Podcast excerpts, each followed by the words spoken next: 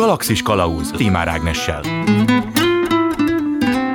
Kellemes délutánt kívánok, ez itt a Galaxis Kalauz 159. epizódja a mikrofonnál Tímár Ágnes. Több évforduló vagy bizonyos szempontból jelentős dátum is előkerül a mai adásban, de kezdésként két születésnap, méghozzá abból a fajtából, amit nem ünneplünk meg. 1897-ben Charlie Luciano, 1946-ban Ted Bundy látta meg a napvilágot ezen a napon. Hogy ki és miért válik híressé, azt mostanában egyre nehezebb követni, de tény, hogy a bűnözők ikonikus alakká válásában ugyanakkor a szerepe van maguknak a figuráknak, a médiának, és persze a hírekre vágyó közönségnek. Theodore Robert Ted Bundy az Egyesült Államok leghírhettebb sorozatgyilkosa volt. Az áldozatainak valódi száma a mai napig rejtély, de több mint tíz évnyi tagadás után Bundy végül is 30 nő meggyilkolását ismerte be. Brutalitása ellenére általában művelt és vonzó férfiként írták le barátai és ismerősei. Feltehetően ez az ellentmondás sarkalt többeket arra, hogy tanulmányokat, könyveket írjanak róla, nemrégiben pedig egy játékfilmben is bemutassák a történetét. Hasonló popkulturális sikereket ért el Charlie Lucky Luciano is, akinek az alakja nem egy filmben, sorozatban, vagy szépirodalmi műben feltűnt, akkor a beli híradásokon túl persze. Az eredetileg szicíliai születésű maffiózó azzal hát emelkedett ki a hozzá hasonló gengszterek közül, hogy New York városát öt különböző maffia családra osztotta fel, és ő segítkezett a maffia igazgató tanácsának megszervezésében is. A Time magazin szerint Luciano egyike volt a 20. század 20 legnagyobb lángelméjének. A mai első beszélgetésben arról is szó lesz, hogy mióta olvassák nagy tömegek szűnni nem akaró érdeklődéssel a bűnügyi történeteket, legyenek azok fiktívek vagy valósak. Első megálló a vonalban Kálai Sándor a Debreceni Egyetem kommunikáció és médiatudományi tanszékének oktatója van velem. Jó napot kívánok! Jó napot kívánok! A krimi műfaját fogjuk megvizsgálni, és kezdjük mindjárt azzal, hogyha mondjuk irodalomtörténeti szempontból vizsgáljuk, akkor a fikciós vagy a valós tényeken alapuló művek jelentek meg elsőként, már mint szépirodalmi alkotások. Fú, hát szerintem ez egy, ez egy bonyolult kérdés. Azért bonyolult, mert ugye amikor a krimi megjelenik, és egyre népszerűbb lesz a 19. században Európában, akkor mellette nagyon sokféle formában is hozzá lehet még férni ilyen bűnügyi történetekhez. Többek között például a tömegsajtó termékeiben. Ugye egyre többen olvasnak már a 19. században, átalakul a sajtó, politikai sajtó helyett inkább ilyen izgalmas történeteket kezd el mondani a, a sajtó, és ez egyik legfontosabb műfaj a, a sajtóban, az, az azok éppen a bűnügyi tudósítások lesznek. Úgyhogy nem tudom, hogy szét tudjuk-e, vagy szét kell-e választani feltétlenül a fikciós, illetve a nem fikciós alkotásokat. És ugye aztán a kettő között ráadásul egyre bonyolultabb átjárás is lesz, mert, mert ugye egy, egy adott ponton a krimi elkezd megtörtént eseteket is feldolgozni. Tehát, hogyha mondjuk elkezdték ezt az újságokban olvasni, és nyilván aztán a szép irodalom valószínűleg ezért is találta meg ebben a potenciált, ez azért volt, mert valami a mi életünktől nagyon távoli dolog az, amiről éppen olvasunk, és arra kíváncsiak vagyunk, szeretünk borzongani, hogy ez már akkor is megjelent, hiszen elég csak mondjuk a kezdeti horror műfajára gondolni már egy száz évvel korábbi időszakból, vagy még korábbról. Tehát azt lehet tudni, hogy a befogadó részéről miért volt meg ez a vágy, hogy a szép irodalmi művekben is megjelenjen a, a bűnügyi történet? Szerintem a befogadók azok valóban részben olyan dolgokról szeretnek olvasni, ami vagy hasonlít az ő életükhöz, és ugye akkor megerősítve érzik magukat, vagy pedig egészen más, mint a, az ő életük és hogy a bűnügyi történetek vagy a horror történetek azok kifejezetten alkalmasak arra, hogy olyan pozícióba képzeljék magukat a, a befogadók, amilyenben egyébként valószínűleg normális esetben nem megtalálhatók, tehát akár a, az elkövetők, a bűnelkövetők pozíciójába is, vagy az áldozatok pozíciójában is.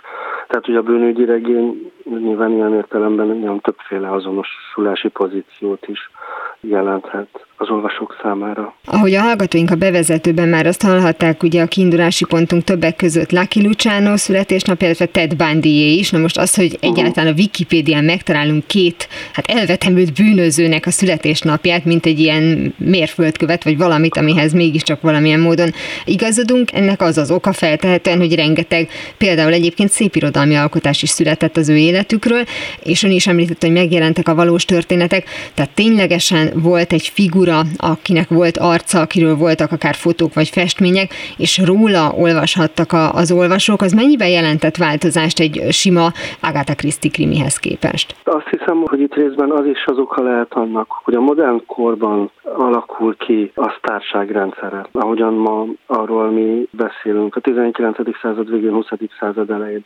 És lehet, hogy ez most egy kicsit kicsit furcsán hangzik, hogy, hogy mi közelelt Lucky Luciano-nak, vagy, vagy Ted Bundy-nak, mondjuk filmszínésznőkhöz, vagy a brit királyi család tagjaihoz, de valójában lehet, mert vannak olyan sztárelméletek, vannak olyan megközelítések, amelyek azt, azt mondják, hogy a bűnözők is tekinthetők egyfajta sztárnak. De többféle szempontból is. Nyilván a média folyamatosan közvetíti a, a történeteiket, és ugye, hogyha csak egy ilyen másik, vagy hozzánk közelebb eső ilyen magyar bűnöző sztárra gondolunk mondjuk a, a Viszkisre, akkor ugye az ő sztárságában azért benne volt az is, hogy ugye egy olyan, olyan bűnöző volt, aki, aki azért ki tudta jó sokáig cselezni a rendőröket, és ez azért tetszik az embereknek. A bűnözők nyilván alapvetően mindig tragikus hősök, ugyanakkor mégiscsak ilyen a hétköznapin túli karakterek is, vagy nem hétköznapi karakterek is, ez azért szintén fontos lehet akkor, amikor a bűnözőkről beszélünk, vagy a, a híressé vált bűnözőkről beszélünk. És hogyha ezeket a bűnözőket, mint korabeli celebeket vizsgáljuk, akár mondjuk Dillinger, akinek az életéről szintén rengeteg regény és film is megjelent, és még ki is tér arra a legtöbb mű, hogy ő még élvezte is ezt a népszerűséget, ami ugye a saját korában érte. Arról nem is beszélve, hogy később aztán ugye mondjuk milyen kultuszt tudtak körépíteni. Nincsenek valamiféle határvonalak a bűnügyi történetekben arra vonatkozóan, hogy egy olyan celeb, akit említett, mint mondjuk egy filmszínész, aki jó esetben csak mondjuk nem lesz korszakos színész, de híresség, hát mégiscsak azért a legalitás keretein belül mozog, tehát azzal vagy együtt érzek, vagy egyet értek, amikor olvasok róla, vagy nem, de hát amikor olvasok mondjuk Ted Bundyról, akkor az adott mű akkor lesz minőségibb, hogyha megpróbálja árnyalni a történetet, és én olvasóként ott állok, hogy nekem most akkor meg kéne értenem az ő motivációit? Persze, hát nem tudom, azt, azt gondolom, hogy nyilván, nyilván itt, itt többféle dolog is lehet. Tehát, hogy amikor a, a bűnözőkkel kerülünk kapcsolatba, vagy bűnözőkről hallunk, ez évszázadokra visszanyúló jelenség, hogy valahogy vonzák a, az embereket, és ugye ezért is változott meg egy adott ponton a, a 17. században, amikor ugye a bűnözőket a, a, a nyilvánosság előtt nagyon gyakran kínzásokkal végezték ki, mert azon túl, hogy nyilván az emberek azt gondolták, hogy, hogy elnyerik a, a megérdemelt büntetésüket, ugye mégiscsak egyfajta ilyen magasztos figurákká is váltak, és hogy, hogy valahogy a bűnözők esetében az, azt gondolom, hogy, hogy ez a fajta kettősség, ez ott lehet, hogy egyszerre nagyon vonzó figurák, miközben nyilván taszítanak is bennünket, és aztán másfelől pedig az, hogy ezen túl mondjuk egy, egy, egy bűnöző esetében a, a saját történetének a komplexitását, azt mennyire tudjuk meg egy adott alkotásból, vagy, vagy mennyire nem, az, az, az már nyilván egy, egy másik kérdés. De nyilván vannak olyan fikciós alkotások bűnözőkről, amelyek ugye inkább a szenzációs elemeket akarják kiemelni, és lehetnek olyan összetettebb krimik, amelyek megpróbálják megragadni a bűnöző személyiségét. Ez egy nagyon régi hagyomány például az amerikai krimiben 20-as, 30-as évektől kezdődően, és most ugye fikciós alkotásokról beszélünk, ugye nagyon erőteljes az a vonal, az amerikai krimiben, ami, ami nem a nyomozás folyamatáról szól, hanem inkább az elkövető perspektívájából látjuk a, az eseményeket, a történéseket. Ugye ennek a klasszikus példája a, Postás mindig kétszer csenget című regény, ahol a rendőrségnek alig van szerepe, és a bűnözők világában mozgók, akik egyébként teljesen hétköznapi figurák. Vagy akár mondjuk a gangster történetek, tehát hogy a 20-as, 30-as években jelentek meg először az ilyen írások, amikor felvállaltan az író hát az elkövető szemszögéből követte az eseményeket, és hogyha így volt, akkor ennek mennyire volt valamiféle felzúdulás az eredménye, hogy az olvasó azt mondta, hogy na de hát azért mégiscsak engem a bűnődözés érdekel. Nem hiszem, nem. Tehát ezek nagyon szépen megvoltak egymás mellett. Ugye ott voltak egyfelől a, ebben az időszakban az amerikai krimiben a, a magánnyomozók, akik egyébként, tehát hogy már csak az, azért sem biztos, hogy, hogy feltétlenül felzúdulás lett volna, mert ugye az európai krimihez képest, ahol, ahol ugye azért a történetek így a, a, a középosztályban vagy a felsőbb középosztályban játszódnak, az amerikai krimi egy nagyon változatos társadalmi képet tudott létrehozni, és ebben a, ebben a társadalom képben mondjuk egy, egy magánnyomozót és egy bűnözőt, aki ugye nem feltétlenül azért lesz bűnöző, mert ő, ő elhatározza, hogy bűnöző, hanem úgy hozza az élet, vagy, vagy ő maga is áldozat, a társadalom áldozata. Tehát, hogy itt a, a nyomozó, illetve a bűnöző között nincs feltétlenül olyan nagy távolság. És azt hiszem, hogy ezt, a, ezt az akkori amerikaiak értették. Mennyiben jelentett változást az, hogy a szervezett bűnözésről szóló fiktív művek is megjelentek? Ugye Mário Puzzónak a klasszikus keresztapa regénye azért elég nagyot robbant a maga idejében, és hát nem véletlenül a, a film trilógia, de legalábbis az első-második rész az mindenképpen óriási siker lett. Tehát, hogy ez magában hordozza azt, amiről korábban beszéltünk, hogy egy, egy picit mégiscsak olyan, mintha mi lennénk, mert hogy mutatja a családi életet, mert hogy van egy ilyen hamis Robin Hood ábrázata azzal, hogy a saját közegében rendet tart, és akár segít is a rászorulóknak uh-huh. cserébe valami. Tehát itt volt egy ilyen része, hogy itt már megjelenik az ember arc? Én azt gondolom, hogy, hogy mindenféleképpen, igen, igen, igen, igen, igen. Tehát, hogy itt valószínűleg több dolog találkozott. Ugye nyilván a hagyományos olasz családmodell, és ahogyan Ugye az olasz maffia tagjai az Egyesült Államokban újra kitalálják magukat, és egészen biztosan ott, ott van ez is, hogy azért igazán nagy a hatása a Keresztapa film trilógiának is, mert ugyanezen az elven működik, hogy egyszerre nagyon vonza a nézőket, illetve valamennyire taszítja is, és a, és a, a vonzerő az például nyilván részben amiatt van, mert emberi drámákat látunk, családi drámákat látunk. Igen, tehát amit mondasz, szerintem teljesen így van. És ez mennyire volt rossz hatással, hogy egy kicsit eltávolodhatunk egyébként például mondjuk a bevándorlókra, tehát azért ez eléggé rányomta mondjuk a 20-as, 30-as években a bélyegét, akár mondjuk az olaszokra, az írekre Amerikában olyan szempontból, hogy teljesen természetes volt, hogy volt egy összefogás a részükről, hiszen egy idegen világba kerültek, és aztán ezt nem feltétlenül kell a szervezet bűnözéssel összekötni, ellenben a szép irodalom fogta és összekötötte, de mégis valamire hagyatkozott, tehát nem volt véletlen az, hogy Mário Puzo feltétlenül nem aludt túl jól, miután megjelent a regény. Hát igen, ezt, ezt nem tudom, ezt nem tudjuk.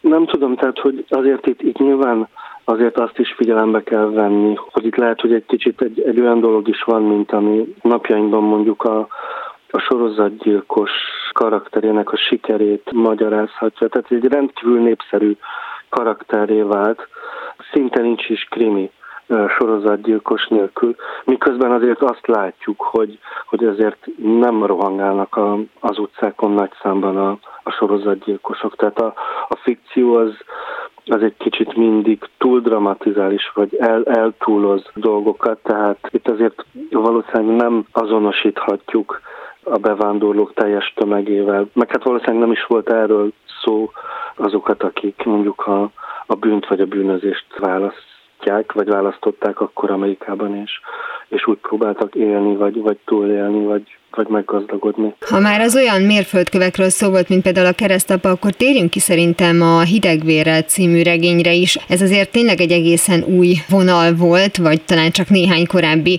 előzte meg, hogy a dokumentarista műfa uh-huh. ilyen módon jelenik meg ebben a témakörben. Az olvasónak ez mennyire volt megrázkódtatás, hogy itt aztán tényleg arról van szó, hogy tudjuk, hogy mi történt, mert hiszen a híradások tele voltak vele, és fogja a kepoti, és megírja úgy, hogy ha nem is szimpátiát akar kelteni, de tényleg megpróbál mondjuk több oldalról, és mégis pontosan ábrázolni. Amennyire újnak tűnik, ugye annyi, legalább annyira bizonyos értelemben nem is új, hiszen ugye beszélgettünk a, az interjú elején arról, hogy itt a fikció, illetve a, a valós keverése, vagy, vagy hogy itt, itt mennyire nehéz a határvonalat meghúzni a bűnügyi elbeszélések esetében.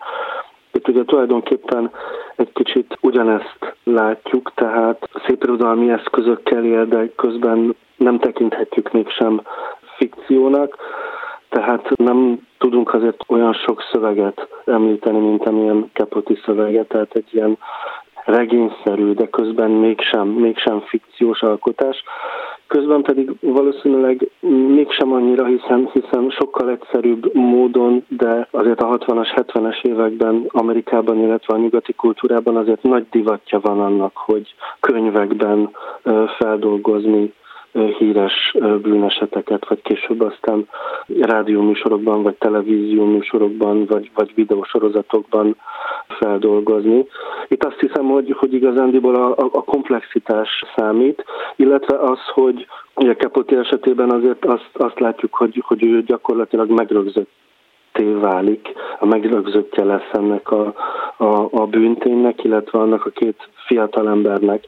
Nyilván ilyen furcsa vonzalom is kialakul az ő esetében irántuk. Tehát az, ami ebben a szövegben igazán érdekes, az, az ez, hogy, hogy mi történik akkor, amikor nem csak maga a bűntény érdekes, vagy a per, hanem, hanem egy egész, egész folyamat. Ugye Kepoti a börtönben is látogatja őket, és végigköveti tulajdonképpen a, a sorsukat azután is, amikor már a, a közvélemény számára lezárul az eset. Igen, ez külön érdekes, hogy az, aki ennek szenteli az életét, legyen mondjuk akár fikciós műszerzője, és mint mondjuk Agatha Christie, annak a személyiségén mennyit változtat az, hogy folyamatosan bűnesetek kiagyalásán gondolkozik, de hát nem tudunk az író fejében nézni, és valószínűleg azért mégiscsak el tud vonatkoztatni, úgyhogy ez talán örök homály fogja rejteni. Nagyon szépen köszönöm, hogy mindezeket elmondta. Kálai Sándor a Debreceni Egyetem kommunikáció és médiatudományi tanszékének oktatója volt a vendégem tele telefonon. Totó, azt hiszem már nem Kenzeszben vagyunk. Ahogy az interjúból is kiderült, a bűneseteket feldolgozó sajtótermékek, szépirodalmi művek iránti kereslet nem új keletű. Még csak nem is a 20. század elejére tehető, ahogy sok a fogyasztói társadalmat kiszolgáló újítás. Amint felmérték az érdeklődés mértékét az illetékesek, igyekeztek azt ki is elégíteni. Az olvasók bűnesetek leírásával és megjelentetésével való szórakoztatása a 18. században azonban még csak a jogászi szakma tájékoztatásának melléktermékeként jelent meg. Az úgynevezett pitavál irodalmi műfaj érdekes bűnesetek, illetve téves büntetőbírósági ítéletek leírásának gyűjteménye. A virágkora a 19. században és a 20. század elején volt. Az eredete azonban régebbre nyúlik vissza. Az elnevezése François Gaillot de Pitával francia ügyvéd nevéből származik, aki összeállított egy gyűjteményt érdekes bűnesetekből. A sorozat kötetei 1734 és 1743 között jelentek meg. Gyűjteményének kettős célja volt, egyrészt szakirodalomként szolgálni jogászoknak, másrészt a nagy közönséget szórakoztatni. Az ehhez hasonló gyűjtemények divatba jöttek, és végül ezt az irodalmi műfajt róla nevezték el. Az elmúlt évszázadokban pedig végigkísérhettük a műfaj szépirodalmi oldalának fejlődését, átalakulását. Legyen az a legklasszikusabb Agatha Christie regény, vagy egy Dán misztikus sorozat. Mindenki megtalálja a maga zsánerét, akit egy kicsit is érdekel a krimi, Nos, úgy tűnik egy kicsit mindenkit, sőt, a legtöbb embert nagyon is, hogy miért vágyunk a sokszor hátborzongató történeteket elolvasni, a hírekben meghallgatni, filmen vagy éppen színházban megnézni, erre keressük a választ a folytatásban. Második megálló A vonalban Vég József kriminálpszichológus van velem, jó napot kívánok! Jó napot kívánok, parancsoljon vele. Az előző interjúban egy szóba került az, hogy a bűnügyi történetek iránti vágy azért több száz évre visszamenőleg megjelenik, már akár mondjuk az újságban is az volt az első, amit fellapoztak az emberek, és valamiért ez nem változott azóta sem. A legnagyobb híradásoknak is az első 20 perce arról szól, hogy milyen bűntények történtek aznap vagy az elmúlt napokban, hogy ez miért van így? Ez egy valami fura vágy a részünkről, vagy magunkat akarjuk bebiztosítani, biztosítani. Miért akarunk mi ezekről a történetekről hallani? Most én azt gondolom, hogy az idegrendszer úgy van beállítva, a központi idegrendszer, hogy a különleges, egyedi, a normális tehetőrő észlelésekre vagyunk fogékonyak, és azért nem minden nap hallunk történeteket, különösen bűnyi történeteket, sokkal ritkább, mint az egyéb más történet. Tehát egyrészt felkelti az érdeklődést, és nagyon érdekes módon a negatív ingerek általában tartósabb választ tartanak fenn, és kényszerített tartanak fenn az agyban, mint a nem váratlan ingerek. Tehát egyrészt van neki egy élettani háttere, másrészt pedig nyilván van egy pszichológiai háttere is, ami arról szólhat, hogy valami érdekes történik, valami inger, valami olyasmi, ami nem minden nap, és lehet én magam is megtenni, ha elég bátor lennék. Mm. Hú, ezzel most meglepett, de a negatív részére visszatérve, hogy a negatív történetek azért ragadnak meg jobban a fantáziánkban esetleg, mert egyfajta ilyen védekezési mechanizmus alakul ki bennünk, hogy erre jobban oda kell figyelnünk, mert hogyha meg akarjuk védeni magunkat, akkor jobb, ha halljuk, hogy mással mi történt. Pontosan így van. Tehát ugye a megtámadottság, a kiszolgáltatottság nagyon rossz érzés az egyének számára, Nyilván igyekeznek az emberek felkészülni hogy valahogy jól tudják kezelni, de az emberek jelentős része megragad az aggódási körben. Nehéz élethelyzet, rossz kimenetel. Meg kell tanulni, megszakítani az aggódási kört, és egy-kettő-három jó megoldást legyártani nehéz élethelyzetekre. Másrészt megismétlem, hogy az idegrendszerünk ben a negatív hírek, negatív történések magasabb ingeti munkával zajlanak le, folynak le, mint egyébként a pozitív hírek. És akkor tulajdonképpen erre ráfeküdve a fiktív művek alkotói ezt a bizonyos inger küszöböt tolják egyre följebb és följebb az utóbbi időben? Ezt nem tudom megmondani. Azt gondolom, hogy csak kihasználják azt, hogy mi emberek működünk. Mm. Élettanilag is, megfélésen de az mondjuk egy megfigyelhető jelenség, hogy az, ami mondjuk 50 évvel ezelőtt borzolta volna a kedélyeket, mint bűneset, hogyha ma mesélik el, akkor mondjuk ma már nem kerülne bele a híradásokba, mert ez a bizonyos küszöb mégiscsak följebb van. Ez igaz, hogy egyre súlyosabb bűncselekményeket kell az emberek tárni. Egyre érdekesebb, egyre idegfeszítőbb híreknek kell megjelenni ahhoz, hogy az érdeklés nem tudja tartani. Az emberek hozzászoknak a mindennapi híradásokhoz, tudósításokhoz. Nem megyek el azért szó nélkül amellett, amit még korábban említett, hogy amikor meghallgatjuk ezeket a történetekről szóló híreket, akkor azért megfogalmazódhat az is bennünk, vagy talán nem megfogalmazódik, de átfut az agyunkon, hogy mi vajon képesek lennénk rá. Ez például miből fakadhat? Tehát, hogy én tesztelem saját magamat, hogy jó ember vagyok-e, vagy sem? Hát igen. Ja, nem egy ember azért gyárt magának fiktív bűntudati lehetőségeket, hogy azon keresztül tesztelje magát, hogy még elég tisztességes-e. De van olyan is tapasztalatom szerint, hogy azért gyárt bűntati lehetőséget, vagy képzel nehéz élethelyzeteket, amelyek bűnbánatot váltanak ki belőlük, hogy a tisztesség útján tartsa magát. Ez például egy erősebb vágy bennünk, mint amikor olyan műveket olvasunk, amelyek valós bűnelkövetőkről szólnak, árnyalják a történetet, tehát valamilyen módon megpróbálják az emberi arcát is bemutatni ezeknek a bűnelkövetőknek, és nekem olvasóként, nézőként el kell döntenem, hogy valamilyen szinten együtt tudok-e érezni az ő motivációival. Nem feltétlenül fel akarom menteni, de meg akarom érteni őt. Így van. Tehát nagyon fontos, hogy emberek egyrészt meg akarja érteni a bűnelkövető gondolkodásmódját, megközelítés módját, és ezért, ezért olvas ilyen műveket, másrészt pedig jól ébren tartja az idegrendszerünket. Az a helyzet, hogy, hogy nagyon kevés idő alatt tudjuk megtendeni azt, az, azt a ételmennyiséget, amelyel biztosítjuk a létfenntartásunkat. És ha az agy nem kap elég ingert, akkor elhal. Tehát le van kötve a szemünk, akkor megvakulunk, a tartósa le van kötve. Az az idegrendszeres utal nincs kihasználva, az elhal hogy ne halljon el, ezért keres ingereket, vagy gyárt, vagy keres ingereket. Gyárt azt jelenti, hogy maga is követ a bűncselekményt. Nem egy esetben azért kötnek a bűncselekményt emberek, hogy az adrenalin és egy egyéb más hormonszintet megemeljük magukban. Ugyanígy ők így keresnek izgalmat, mások inkább olvasnak. Hamarosan folytatódik a Galaxis Kalauz benne az interjú Vég József kriminálpszichológussal. Galaxis Kalauz Ez itt továbbra is a Galaxis Kalauzén Tímár Ágnes vagyok. Folytatom a beszélgetést Vég József kriminálpszichológussal arról, hogy miért érdeklődünk annyira a bűnügyi történetek iránt. Többek között az is kiderül, milyen hatással van a befogadóra, ha olvas egy krimit, vagy ha filmen látja. Arról beszéltünk, hogy ez a bizonyos inger küszöb emelkedik, vagy nem emelkedik, de egyébként az, hogyha minél szélsőségesebb történeteket hallunk, látunk, olvasunk, az bizonyos szempontból megnyugtat minket, hogyha azért olvassuk ezeket, hogy tudjuk, hogy ilyen velünk nem történik. Tehát, hogyha mindennapokra jellemző bűnesetekről hallunk, az lehet, hogy mégiscsak jobban kizökkent minket, jobban megijeszt minket, mint hogyha egy olyan sorozatgyilkosról olvasunk, aki egyrészt 60 éve élt, másrészt meg annyira szélsőséges az, amit ő elkövet, elkövetett, hogy megnyugtathatjuk magunkat, hogy hát azért ilyen velünk csak nem történik. Kicsit ez úgy van, mint a futballmérkőzés. Szívesen nézzük a, a futballmérkőzéseket meg, mert azok valós időben történő eseményeket tárnak elénk.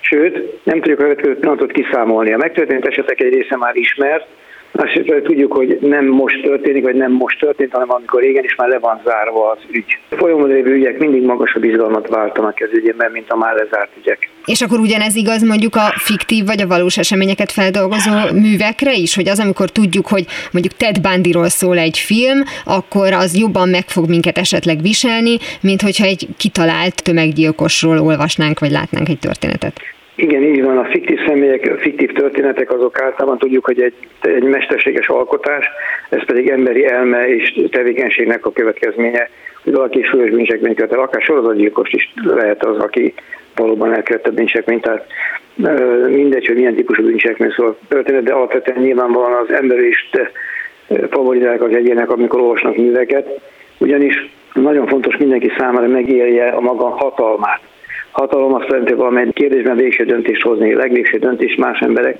a saját életünk vonatkozásába hozhatunk, hogy élünk-e, vagy megholunk, vagy ölünk, vagy éppenséggel életbe hagyunk valakit. Autoritás fel azt jelenti, hogy van is erő, akaratom, hogy végrehajtsam. Volt egy elítét, nem tudom, az, hogy elmondom. Felkötötte magát a fogdán. Azt mondja, kérdeztem, hogy mi, mi miatt tette. Azt mondja, azért, mert mindenet elvették, elvették a cipőzőtelepet, stb. Egy valamit meg akartam élni, hogy én magam hozhatok döntést, ez pedig az életem. Tehát nagyon kell vigyázni, mi mindent teszünk az emberektől. Tehát ez csak arra figyelmeztető, hogy az emberek képzetben is el akarnak játszani azzal a képességük, hogy hatalommal rendelkeznek és autoritással. De lehet, hogyha mondjuk olvassuk a történetet, megnézzük a filmet, akkor nekünk ez a hatalomvágy, ez kimerül abban, hogy a végén hozunk egy döntést, hogy kivel értünk egyet. Igen, pontosan így van. Tehát ha elolvastunk egy történetet, el tudjuk dönteni, hogy helyesen járt el az egyén, vagy nem. Noha izgalmat keltett bennünk a gondolkodásra, meg felzsigázta a érdeklésünket, de ezzel együtt valóban úgy van, hogy ő megtette, de mi azt mondjuk, hogy nem tesszük meg, mert ilyen és olyan következményekkel jár ránk, és másokra nézve is. És mi a helyzet a különböző műfajokkal, hogyha mi most befogadóként vizsgáljuk az irodalmi műveket, színdarabokat vagy a filmeket, személyenként eltérő az, hogy mi az, ami ránk nagyobb hatással van, vagy azért azt ki lehet jelenteni, hogy olvasva kevésbé fog minket megrázni ugyanaz a történet, mint hogyha látnánk színpadon, vagy mondjuk még pontosabban ábrázolva a filmen. Igen, ha olvasunk egy könyvet, ott a képzelőnkre is rá van bízva, hogy mit hogyan vételezünk el, mit hogyan képzelünk el. Színdarab az egy meglehetősen élő a film is egy élő, tehát könnyebb bele illeszkedni egyik-másik szerepbe, megérteni egyik-másik szereplőnek motivációját. Gyorsabban is megvan, emészhetőbben, mint egy regényben. Vannak esetleg határvonalak, hogy meddig lehet megérteni ezeket a, a bűnelkövetőket, már hogyha látunk egy filmet, vagy olvasunk egy könyvet, és mondjuk van egy pont, ahol már meg kell ijednünk, hogyha mi nagyon együtt tudunk érezni, vagy azért ez nagyon esetfüggő, nagyon személyfüggő, nem nincs erre általános recept. Nehezen beszélek más emberek nevében, magam nevében beszélek, és azért szeretném nézni, hogy megértsem őket, a motivációkat megértsem, és hogy hol lehetett volna másképp megoldani azt a helyzetet, a pontos helyzetet, ami katasztrófához vezetett. Mondom, az emberek egy része szintén egy motiváció mentén olvas, nem csak szórakozásból vagy időtöltésből, hanem igyekszik megérteni, választ kapni kérdéseire, és eligazodni a világban, hogy vannak ilyen emberek is, akik így gondolkodnak és így cselekednek. Tehát akkor tulajdonképpen, amikor ilyet olvasunk, vagy ilyen filmet nézünk meg, akkor lehet, hogy tudat alatt mégiscsak ott van bennünk az, hogy valami megoldást mi magunk is találjunk, és ilyen szempontból van egy ilyen jó értelembe vett tanító jellege is akár egy bűnügyi történetnek. Igen, akár mintaadó lehet, tehát olyan értemben, hogy mintakövetők jelentkeznek rá, és ugyanígy követik a bűncselekményt, illetve visszatarthat embereket attól, hogy elkövessenek ilyen bűncselekményt, hiszen látja, hogy milyen utaság, milyen eredeti motiváció hogyan torzult és a torzult ennek következtében milyen cselekményre hajlott rá. Nagyon szépen köszönöm Vég József kriminálpszichológusnak, hogy beszélgetett velem erről. Azonnal visszatérünk a normális állapotokhoz, mihelyest bizonyosak leszünk abban, hogy mi is a normális. Persze koronként és kultúránként eltérő, hogy egy krimi mennyire érdekli vagy zaklatja fel az olvasóját, ahogy az is időről időre változik, hogy egyáltalán mi számít bűncselekménynek, mi az, ami már a vétekkészsel időt esetleg teljesen elveszítette bűnös jellegét. A vállás például az egyház szemében ma is bűn, esetektől függően persze, a középkorban már voltak ugyan bontóperek, de általában olyan bizarr tárgyalótermi jeleneteket idézett elő, mint a férfi nemzőképesség vagy a női szüzesség nyilvános ellenőrzése.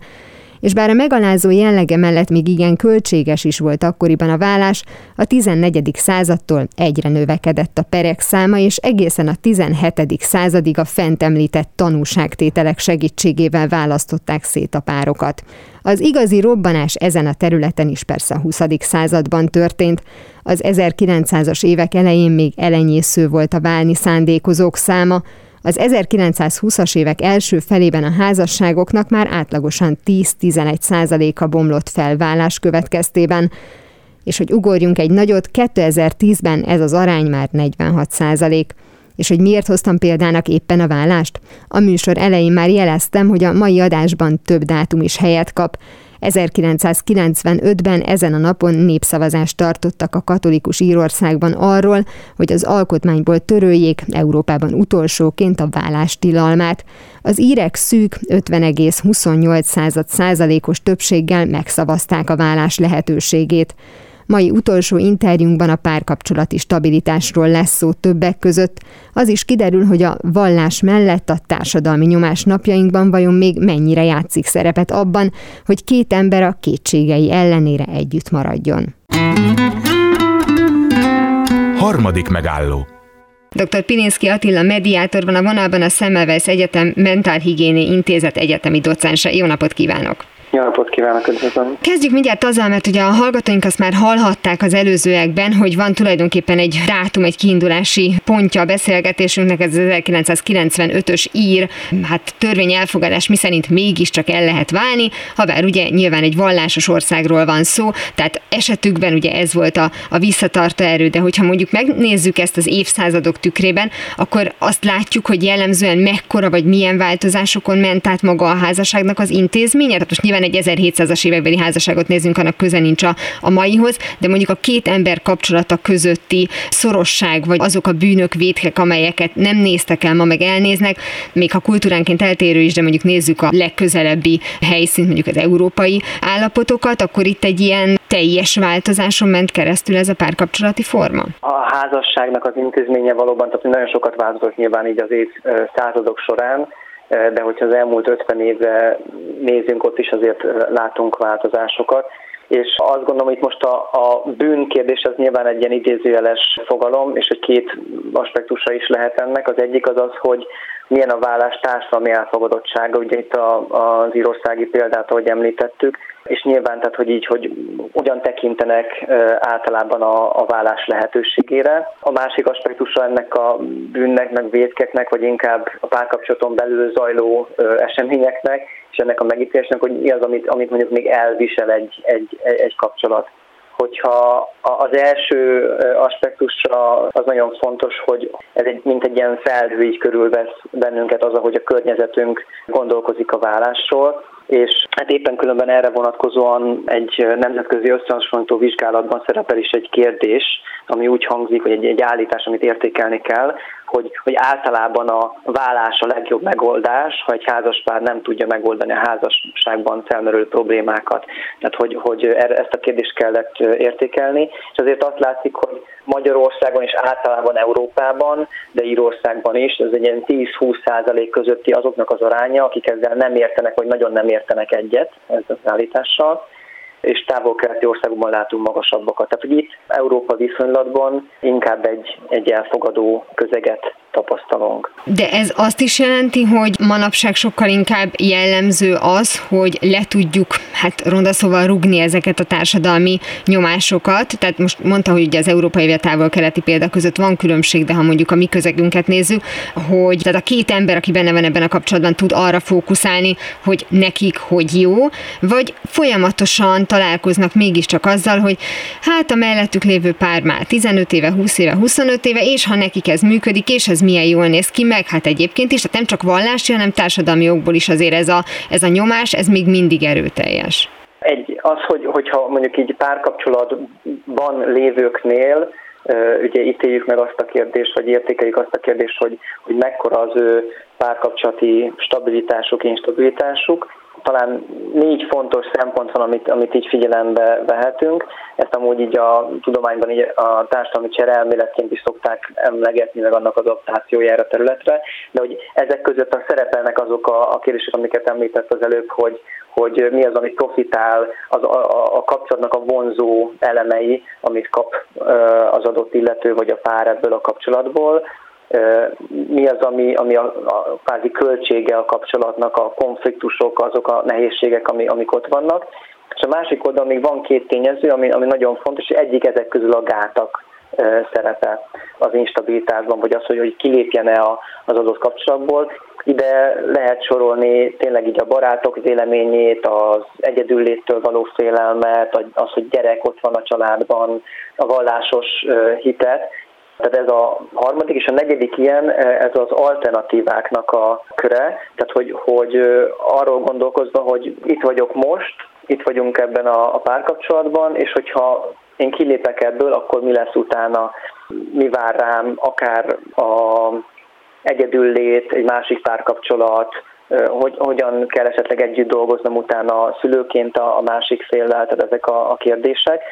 És hogy, hogy egy korábbi vizsgálatunkban azt ö, láttuk, hogy így, hogyha az alternatívákat meg a gátakat így, így összevetjük, vagy így megnézzük, hogy, hogy a gátak egyre kevésbé játszanak meghatározó szerepet, hogy inkább ezek az alternatívák, amik, amik jobban felerősödnek. Tehát, hogy mit feltételez arról, hogy utána mi lesz. És nyilván a másik a minőségre vonatkozó kérdések. Ennek lehet egy olyan oldala egyébként, hogy nyilván a személyes jólétünk az egy nagyon fontos szempont, csak ez is változik az évek folyamán, és ezt is egyébként jobbára kívülről kapjuk, hogy törekedjünk a legjobbra, hogy az, ami nekünk a leg, legjobb, legpozitívabb, tehát az, amit egyébként megjavítottunk volna korábban, azt a fogyasztói társadalomra jellemző módon inkább eldobnánk, ahelyett, hogy megjavítjuk. Vagy pedig, ahogy ön mondta, hogy a vállás a legjobb megoldásra vonatkozó vizsgálat is mutatta, hogy azért ezek a számok eltérőek lehetnek bizonyos területeken. Nem feltétlenül kell ahhoz ragaszkodni, ami mondjuk az 50-es években a legrosszabb házasságot is inkább tódozgatták, fódozgatták, például társadalmi okokból, most pedig legyen erőnk mondjuk kilépni, tehát hogy nyilván ennek az arany középútnak a megtalálása a legnehezebb. Igen, tehát hogy nagyon fontos kérdés az az, hogy ugye a toldozgatás, foltozgatás az jelenthet tényleg egy érdemi munkát a kapcsolat fejlesztésén, vagy jelentheti be inkább, tehát így mondjuk így ezek a, hangsúlyokban, tehát hogy így jelentheti azt, hogy benne maradok a, a kapcsolatban, de hogy igazából már nincsen érdemi tartalma, kiüresedett, ugye egy a szakirodalom ezt egy kicsit ilyen, ilyen üres kagyló kapcsolatnak hívja, amikor, amikor nincsenek már közös témák, nincsenek közös olyan találkozási pontok, ami, amiben a, a, a felek igazából egymással vannak. És hogy ez nagyon fontos, tehát hogy, hogy hogyha van munka, meg látják a kapcsolatnak a jövőjét mind a ketten, akkor, akkor nyilván az, abba fektetnek energiát, és erre vannak lehetőségek, segítői lehetőségek, párterápia, családterápia, ahova tényleg fordulhatnak a felek, illetve nyilván egy, egy másik ponton léphet be a mediáció is. Tehát ez már ugye a megoldás része, mert mi most eddig arról beszéltünk, hogy hát, hogyha úgy döntünk, hogy nem működik, akkor azt a megfelelő módon be tudjuk fejezni. A mediáció az tulajdonképpen mind a két lehetőségre nyújt valamiféle megoldást? Néhány szóban csak így azok, azoknak a hallgatóknak a kedvéért, akiknek ez egy új fogalom. Tehát, hogy a, hogy a mediáció az egy olyan segítségforma, ahol egy, egy független, pártatlan harmadik fél segíti a kommunikációs folyamatot a, a felek között, és hogy azt gondolom, hogy nagyon sok mindenre jó lehet a, a mediáció, mégis, tehát hogyha ugye nagyon fontos az, hogy hol tart a, a pár, az adott pár abban a folyamatban, hogy ők, ők a kapcsolatban, vagy már abból kifele lépnek inkább, tehát e, ezen a, a pályán hol tartanak. Hogyha egy kapcsolaton szeretnének dolgozni a, a, a felek, ott nyilván nagyon nagy erőfeszítést lehet belerakni annak érdekében, hogy ott megnézni azt, hogy mitől nem működtünk együtt, mi az, amit hozunk a mi családjainkból, ami, amik nem passzolnak, vagy a, a, ahogy összerakni, de hogy ezek olyan terápiás célok lehetnek, amikre nem a mediáció a megfelelő eszköz.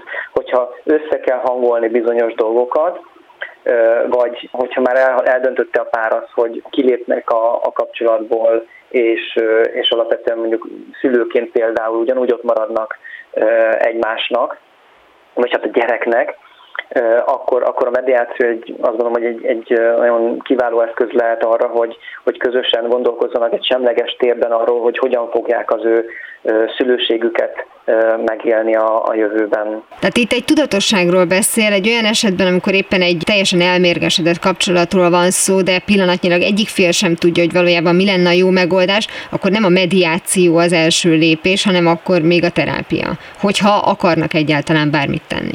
Igen, tehát hogy annak az eldöntésére a mediáció, hogy ők együtt ö, legyenek, vagy, vagy ne, azt gondolom, hogy nem, nem a mediáció a, a megfelelő mm. eszköz. Az, hogyha vannak olyan, olyan témák, amikben ők szeretnének valamilyen ö, közös pontokat találni, és megalapodás felé, ö, vagy a, a mindennapok működése felé lépni, akkor ez egy jó ö, tér lehet. És éppen amúgy, amúgy van egy, egy folyamatban lévő kutatásunk, ahol elvált szülőket kérdeztünk meg, és az látszik ugye, hogy azért inkább azok a, a szülők vettek igénybe mediációt a vállás során, ahol a, a vállás megelőző évben gyakoribbak voltak a konfliktusok, meg az egész folyamat, egész vállási folyamat így, így nehezebb volt.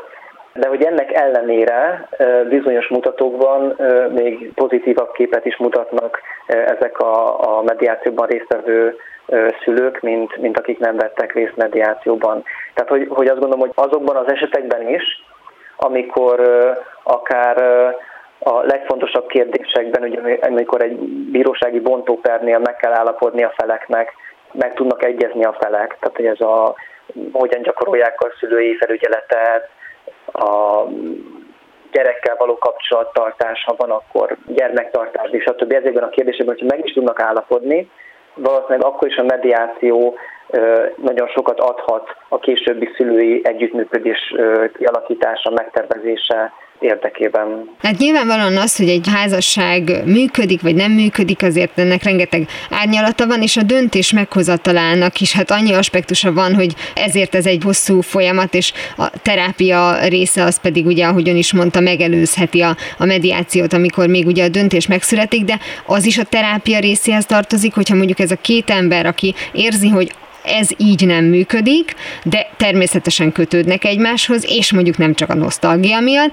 akkor mondjuk arról döntenek, hogy a kapcsolat minősége változzon. Tehát olyan értelemben, hogy nem feltétlenül mondjuk nyitott házasságban éljenek, de legyen külön lakásuk, de attól még ez egy kapcsolat legyen. Tehát ez is egy olyan része a kapcsolat megoldásának, amit még terápiás körülmények között kell eldönteni, és csak amikor már fix döntés van, akkor érdemes a mediáció bíróhoz fordulni?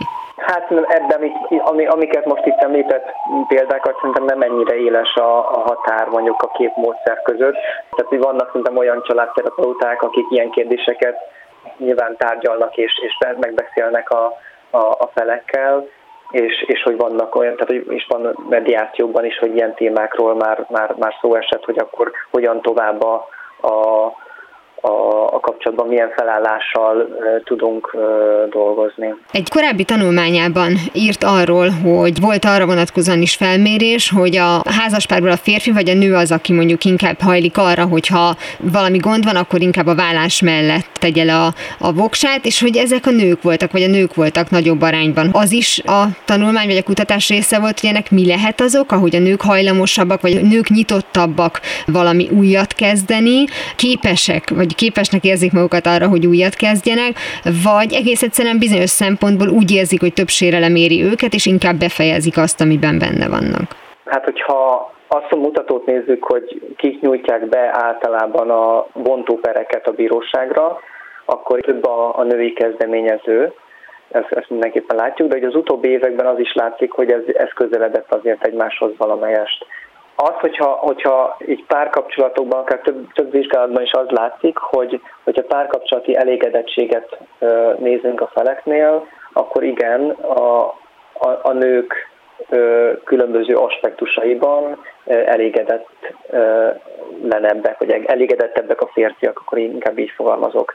Tehát, hogy akár így a, a munkamegosztása a kapcsolatban, általában a párkapcsolattal való elégedettség, stb. stb. Tehát itt megfigyelhető egy ilyen, egy ilyen eltérés a, a felek között. Egyébként egy ilyen helyzetben, amikor már így kerülnek a mediáció elé, és feltárják azt, hogy tulajdonképpen a vállásnak az az oka, hogy hát a férj remekül érezte magát, mert számára tökéletes volt az a munkamegosztás, meg az a mód, ahogy a házasságuk működött, a felesége meg mondjuk egész egyszerűen csak eltűrte, hogy ez, ez zajlik, és a végén azt mondta, hogy na, most lett elég, akkor még a mediáció folyamán is ritka esetben megfordulhat ez a dolog? Vagy akkor már mindegy, tehát aki a mediáció útjára lépett, az már tulajdonképpen csak befejezi azt kultúrált körülmények között, amit egyébként eldöntött. Nem, nem gondolom, tehát hogy, hogy nekem is vannak olyan, olyan eseteim, ahol, ahol azzal a szándékkal jöttek, hogy ők válni szeretnének, és ahogy elkezdtünk beszélni így a, a, a vállásról, meg hogy hogyan, hogyan szeretnék ezt,